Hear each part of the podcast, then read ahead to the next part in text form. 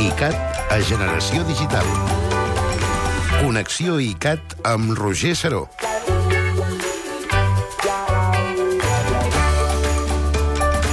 Roger Saró, molt bona tarda de nou. Bona tarda, equip GD.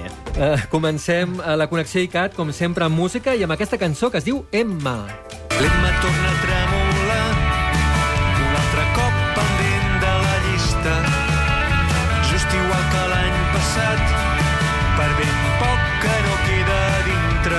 sentim el grup català Samitier, que sí, agafen aquest nom del mític futbolista, i el Samitier acaben de publicar el seu nou disc just aquesta setmana. L'han titulat Els tambors són nostres, i és el seu tercer disc, després que anessin guanyant notorietat amb l'anterior, que es deia Mirador. Doncs us he triat aquest tema per a començar, que es diu Emma, i que ja sona a la selecció musical d'Icat.cat i Llestos. Molt bé, atenció, perquè queda menys d'una setmana perquè comenci el Primavera Sound i tenim moltes coses a fer.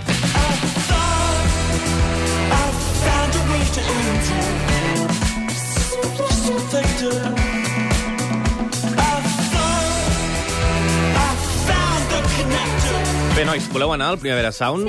Sí. Teniu Instagram? Sí. Tots, fins i tot Sí, el sí. Murillo, que no Jo té tinc, Facebook. sí. Sí, és anacrònic. Bé, doncs eh, ja de per si aquests dos um, desitjos, uh, aquestes dues actituds ja combinen molt bé, perquè va molt bé tenir un Instagram per compartir els teus moments festivalers de l'estiu. Mhm. Doncs a partir d'aquí us explico dues coses. La primera, que a ICAT hem obert el nostre Instagram, el compte és icat.cat, el punt és el símbol, per tant, icat.cat és el nostre usuari.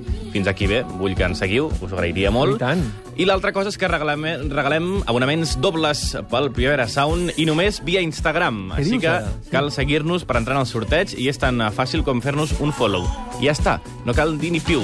Mola que la gent digui alguna que és el que està fent, que és saludant. Ens està dient benvingut a Instagram i Cat, nosaltres que ho agraïm, però si entreu i feu el follow, entrareu en aquest sorteig que el farem el dilluns i dimecres ja obren les portes al fòrum. Atenció que en, eh, en les primeres 24 hores d'Instagram d'ICAT vam rebre 600 followers Oh.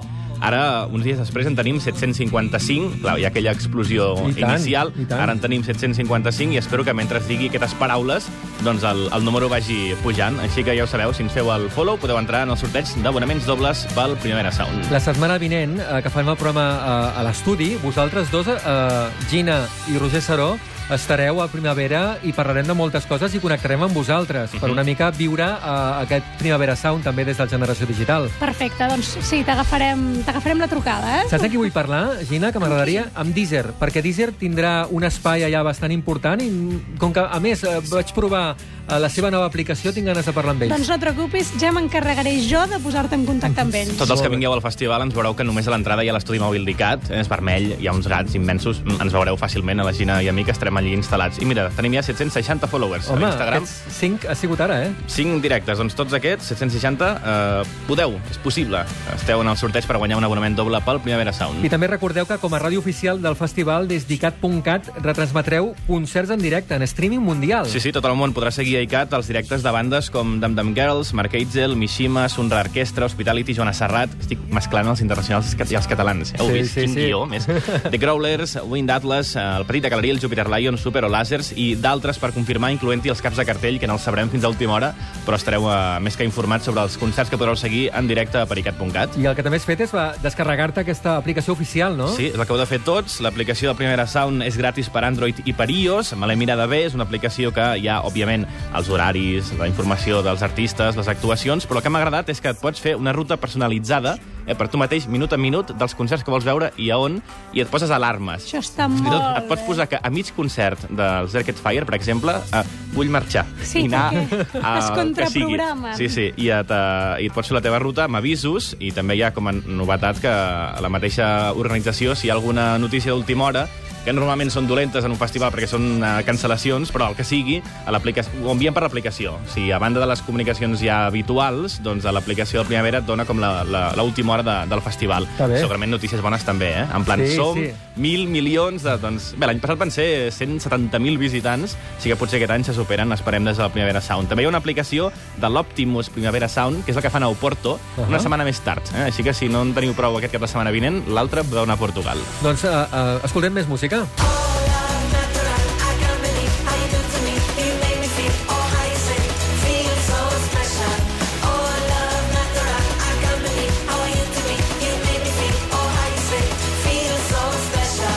Endavant, doncs, Crystal Fighter. Si no els coneixeu, us dic dos conceptes. Primer, són de Londres i el segon fan servir xalapartes, l'instrument Ah. basc. El teniu en ment, no? Aquelles fustes que es van picant. Sí. Eh? La Gina fa que sí, l'Eli fa que... Diu que sí, però fa que no amb el cap, No. em sembla. Però ho buscarem a Google Images. Sí, sí, unes Ara, quan t'he vist a tu picant així... mm, Sí, has dit, ah, no, em pensava que era un Una altra pinxo. cosa. No, no es menja. Bé, doncs aquesta gent, els Crystal Fighters, eh, així de pintes, mm, veieu una foto seva i tenen unes pintes quasi així new wave. Algú diria són hippies, una, per fer una descripció així una mica simplista. Però com veieu fan aquest pop superballable i fan servir molts sintetitzadors i moltes programacions electròniques. Això barrejat amb aquest aspecte que us dic. El tema és que van passar per la sala Rasmatàs a Barcelona fa pocs dies i hem aprofitat per parlar amb el seu cantant, es diu Sebastian Pringle, i ens parlava doncs, d'aquest equilibri, no? Aquesta... També fan ells apologia de la natura i tal, però no els hi falten samplers i trastos en els directes. What we've always done as a band is try and mix old cultures, old tradition, the best things about the old traditions with the best things about the new inventions. It is good, it's useful, it's addictive, the, the technology, and it's exciting. Ens diu això, no? que la like, tecnologia eh, technology els hi va to molt bé per la seva música, per les seves idees. I també em va dir una cosa interessant en Sebastian, que és que la tecnologia ens pot, eh, ens pot ser útil per investigar el nostre passat.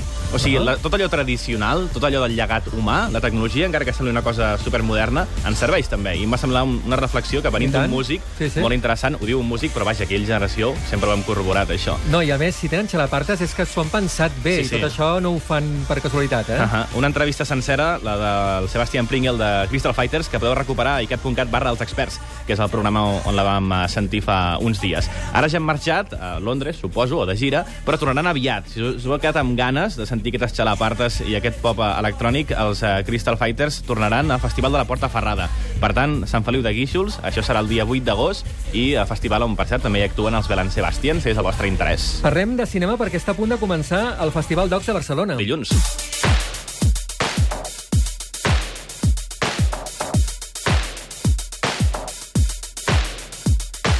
Uh, com que a Cans és més, uh, diguéssim, inabastable, durant tot aquest any en Roger ens ha costat els festivals de cinema, uh, en xarxa o presencials, els que més o menys podem assistir. I dilluns mateix comença aquest festival de documentals uh, Docs Barcelona. Dura tota la setmana, és des del dilluns 26 fins al diumenge 1 de juny. Són 43 documentals en diverses seccions que es projectaran als cinemes Aribau, al CCCB i també al portal Filmin, que ens Oh. permet veure bona part d'aquests documentals. Estan I- a tot arreu, eh? I és que a més s'allarga. Fins 10 dies després que s'acabi el festival, a Molt bé. Filmin encara ha uns quants documentals.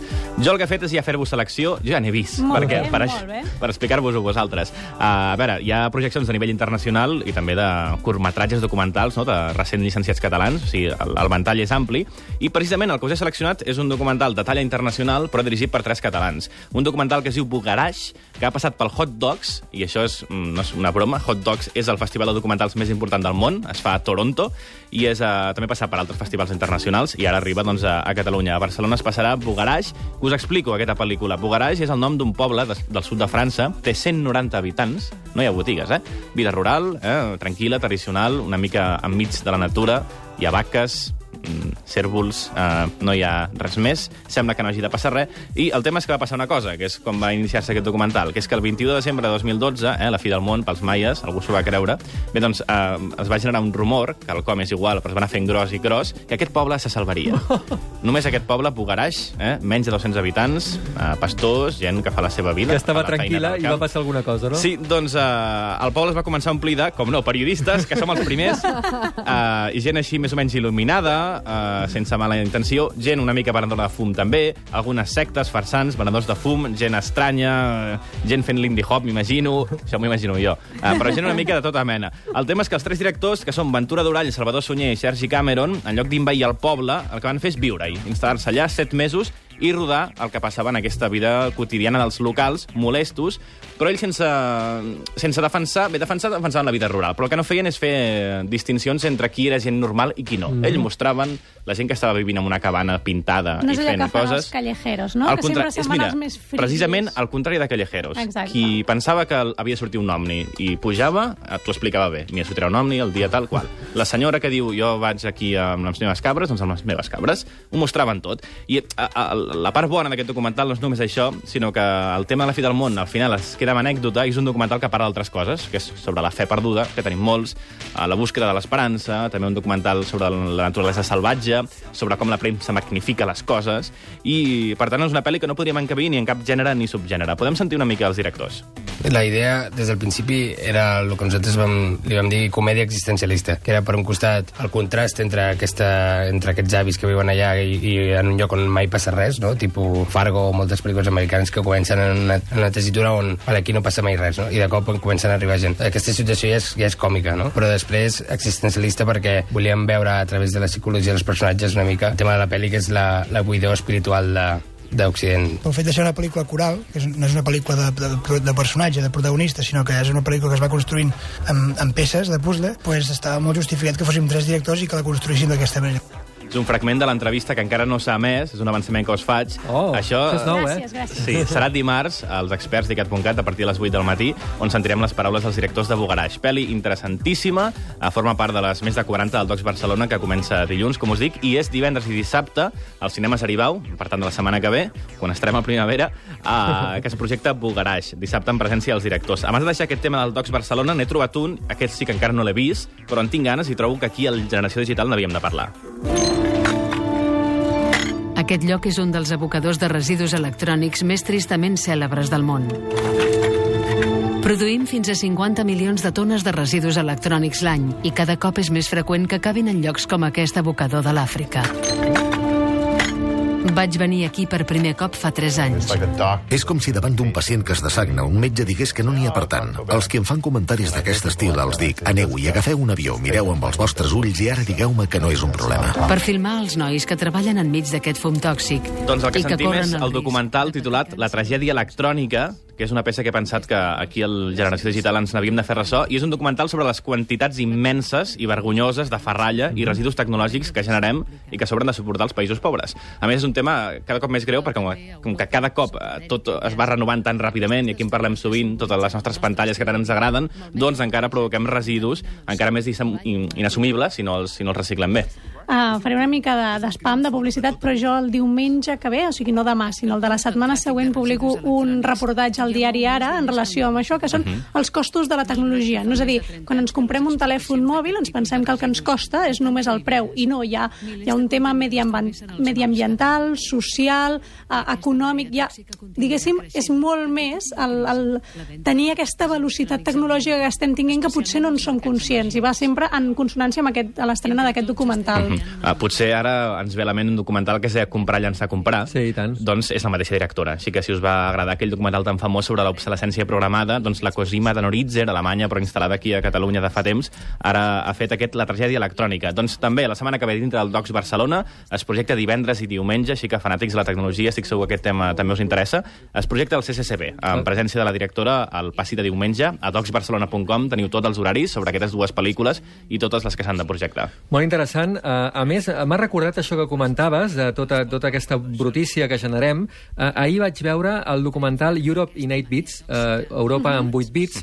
A més, és un documental que jo he participat, surto els crèdits perquè vaig pagar doncs, el Berkami uh, el tema, i és fantàstic perquè veus un altre... eh, Doncs, com els, els músics van als abocadors a buscar els aparells de, que, hem, que hem tirat per doncs, reconvertir-nos en, en instruments musicals. Mm. I és al·lucinant. Si tots aquests músics que fan servir aparells dels 80 Sí, sí, sí. sí. n'hi ha que van a buscar-los a- als abocadors perquè encara els hi serveixen. De fet, de fet, van a buscar un xip en concret del Commodore, que és el SID eh, Sí. no sé què, que... que, que... I aquest documental es podrà veure també al Sonar Més D, que n'hem parlat a la primera hora. Acabem de tancar el cercle en aquest Exacte. moment. No, falta una cosa. Sí. És trucar a la Garrotxa, em sembla. I tant, ara si no, mateix. no em quedo tranquil.